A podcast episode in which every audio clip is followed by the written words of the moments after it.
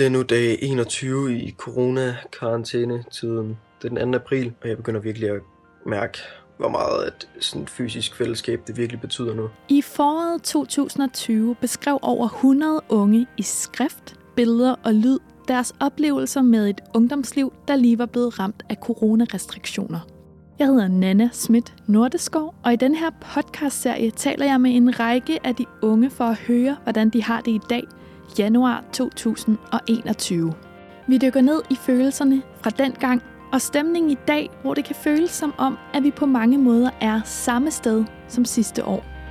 I den her episode fortæller Alberte om, hvordan hun opdagede, at der boede et helt fantastisk menneske lige på den anden side af gangen hjemme hos hende. Velkommen til, hvis vi går ud fra, at det hele ender godt. Når jeg tænker på fællesskab, så tænker jeg på min familie.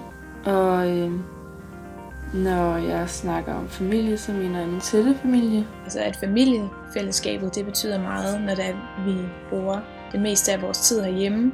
Og så er der så flere ting, som vores forældre gerne vil have os til at hjælpe med, som vi enten gerne vil eller ikke vil. Men øh, det, er jo så, det går der jo også tid med.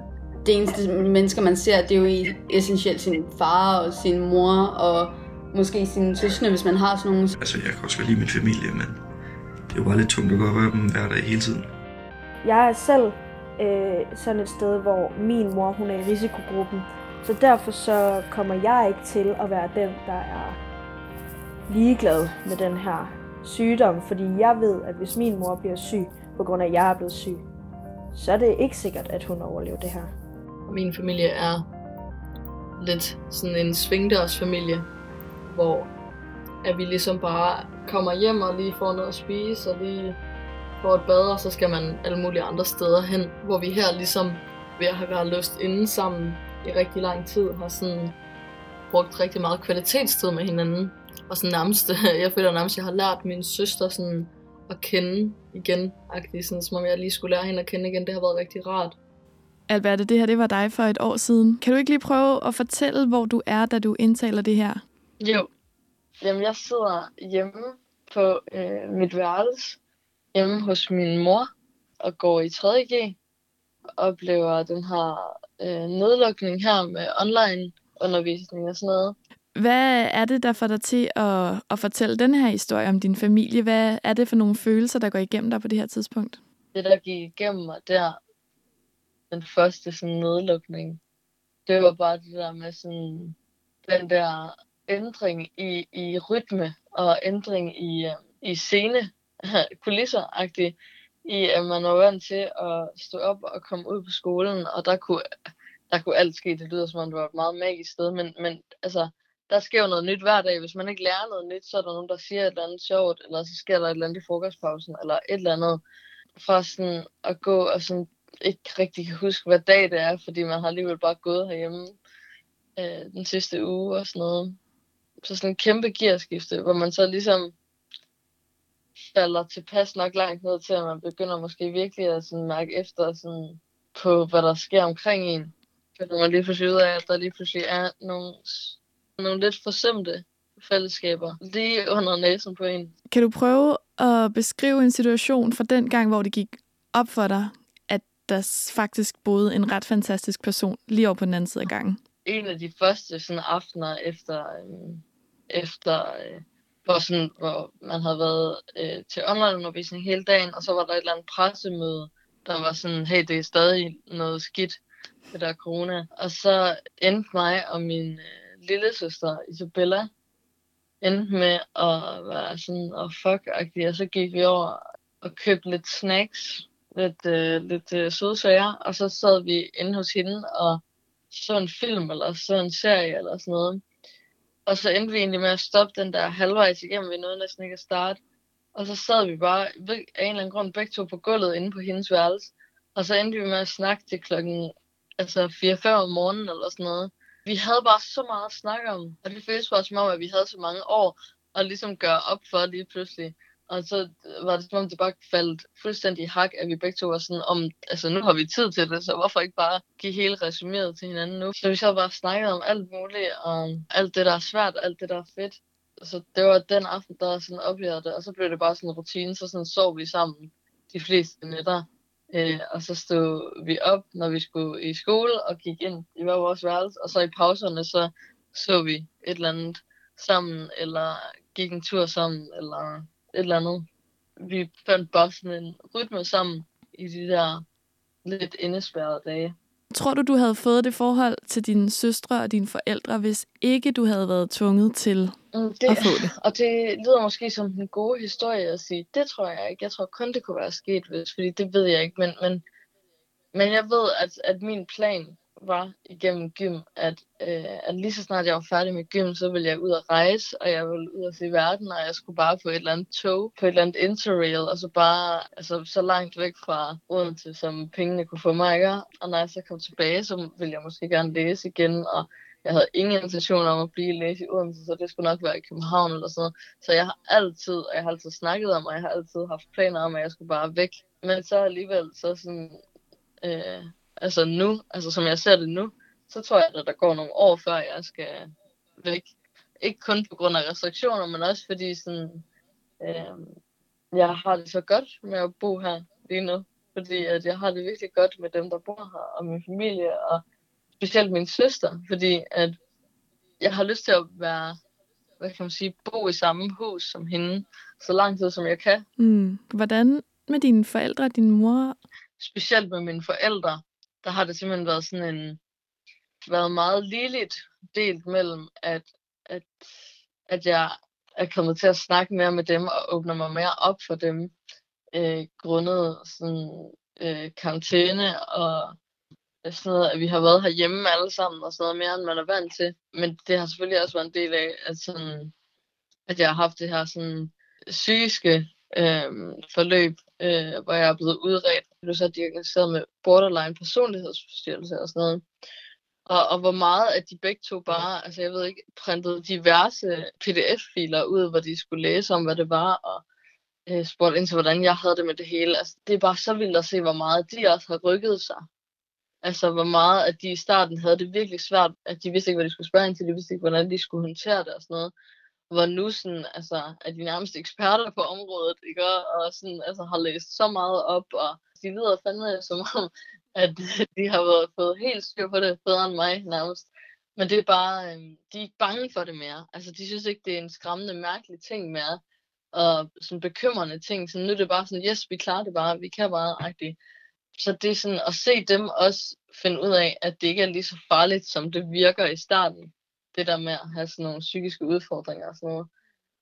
Og at jeg også stadig, hvad kan man sige, har et godt liv, selvom at det svinger meget. Med sådan mit stemningsleje og sådan noget. Og fundet ud af, hvad der har været allervigtigst for mig, at det ikke nogensinde har været deres skyld. Ja. Altså, at de ikke nogensinde har gjort noget forkert. Ikke? Siden at jeg har det svært og sådan noget. Øhm, og sådan også, at min, altså min søster også har sat sig ind i, hvordan det fungerer, og hvad det handler om, og hvordan hun kan hjælpe, hvis jeg får det skidt og sådan noget. Og det er bare, som om, at der lidt er kommet noget fint ud af, sådan at vi er blevet tvunget til at være sammen, men det synes jeg faktisk nok, at det, der er sket, det er totalt meget det der med, at man, man, har, det her, man har det her hold, altså der bare altid er med en, og kæmper for en, og sådan, altså, så kan det sgu ikke gå helt galt. Det tror jeg ikke ligegyldigt, hvor mange pandemier der rammer. Det er godt at have planlagt dagen, måske endda at have et schema for en hel uge. Det sparer på ressourcerne, at du har lagt en plan på forhånd, så du ikke fra øjeblik til øjeblik skal tage stilling til, hvad du skal nu. I en situation som den, vi er i nu, så er rutinerne forstyrret, og det kræver mentale ressourcer, fordi dagen så at sige roder lidt mere. Min roomie og jeg laver alting sammen. Vi indretter ugen i forskellige temaer. Mandag er en konstruktiv dag, hvor vi går rent og arbejder. Tirsdag drikker vi billig Prosecco fra Fakta. Onsdag læser vi højt fra gamle dagbøger. Torsdag går vi en lang tur. Fredag leger vi, at køkkenet er et brunt værtshus og tænder lys og drikker flaske øl. Lørdag har vi tømmermænd, og søndag er der vidderlig ikke nogen, der kan huske, hvad vi laver. Sådan går der 11 uger.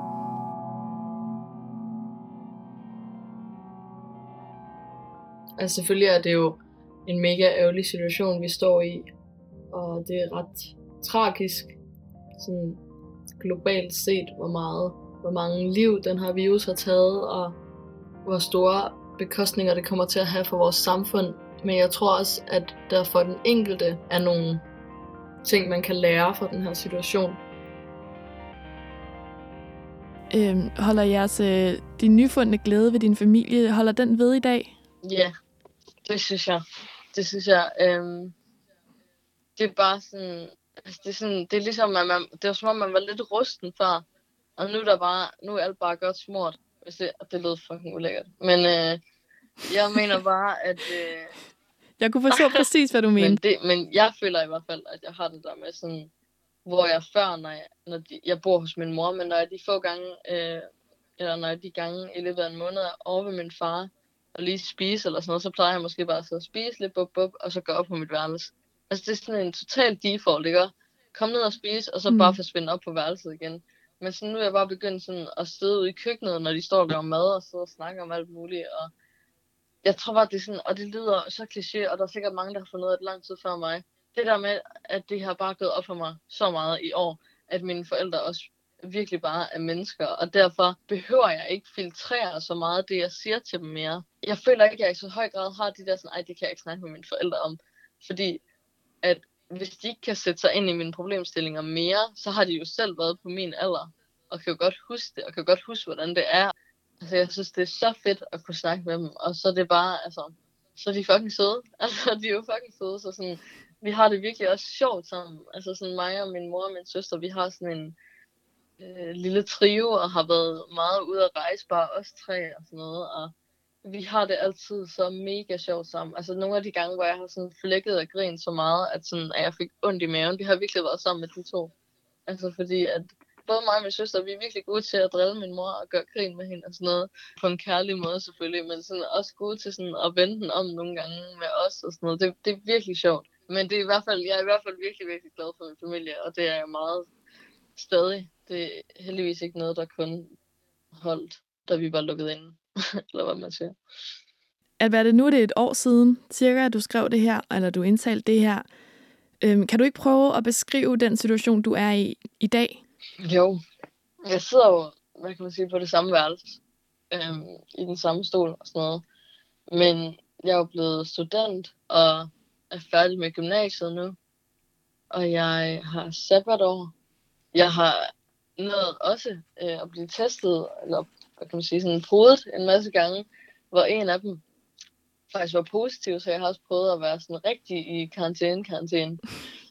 Jeg, jeg, jeg har været igennem et stort forløb med øh, psykiatrien og udredning og sådan noget, øh, og har endelig fået stillet en, en diagnose, som ligesom kan hjælpe mig til at få den helt rigtige hjælp til ligesom at få det bedre og få et mere sådan stabilt liv, hverdagsliv -agtigt. Øh, jeg synes, i det der podcast, jeg lavede for et år siden, der lyder jeg meget håbefuld, og jeg kan næsten, jeg synes næsten, jeg kan høre på mig selv, at jeg kan se mig ind i min tankegang med sådan, åh, oh, det går sikkert snart over. Altså sådan, jeg troede virkelig, det var sådan en meget midlertidig ting. Hvor nu tror jeg sådan, jeg kan slet ikke forestille mig, at det går tilbage til det normale. Altså jeg kan, sådan, jeg, fordi jeg føler, at det bliver ved med at blive udskudt. udskudt. Så det er sådan... Så jeg, altså, jeg er nok blevet lidt mere pessimistisk i dag, end jeg var for et år siden. Eller i hvert fald i forhold til sådan corona og verdenssituationen og sådan noget. Øhm, ikke kun fordi jeg synes, det er svært at se en ende på, øhm, men også fordi, at, at når det så ender, hvornår bliver det så normalt igen?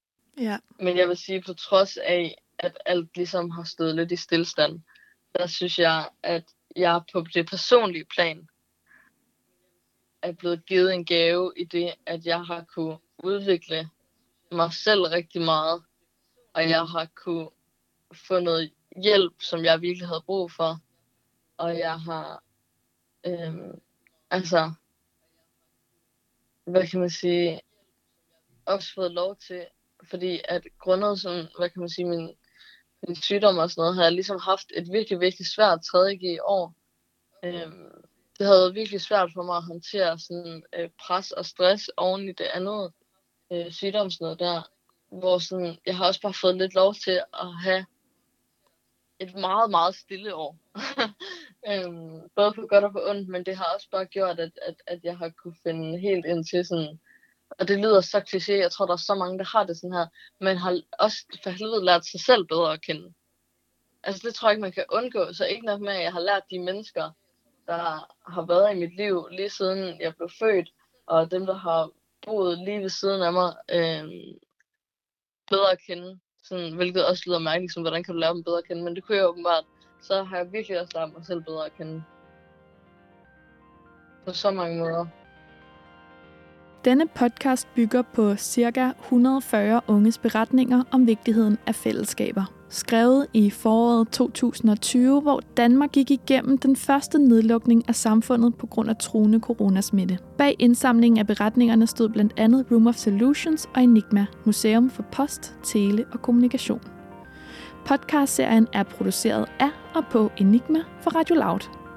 Man kan ikke engang give hånd til nogen, man heller ikke kender, og det eneste, man ligesom kommer til at sige til andre, hvis man er ude og gå en tur, så siger man hej. Du er afskåret fra at være fysisk sammen i, altså i de fællesskaber, du normalt indgår i, måske? Ja, præcis. præcis. Ja. Skriver med mine venner og klassekammerater over Skype. Eller nej, ikke Skype. Messenger og Discord og whatnot, hvor vi nu vil komme til det. Og jeg håber, at det her vil gøre os alle sammen stærkere. Men altså før den her coronatid, så spillede jeg ikke computer, og så lige pludselig, så blev det bare helt normalt. Så, så gør man det hele tiden. Det gør alle. Ikke nok med det, så øh, jeg også begyndt at løbe.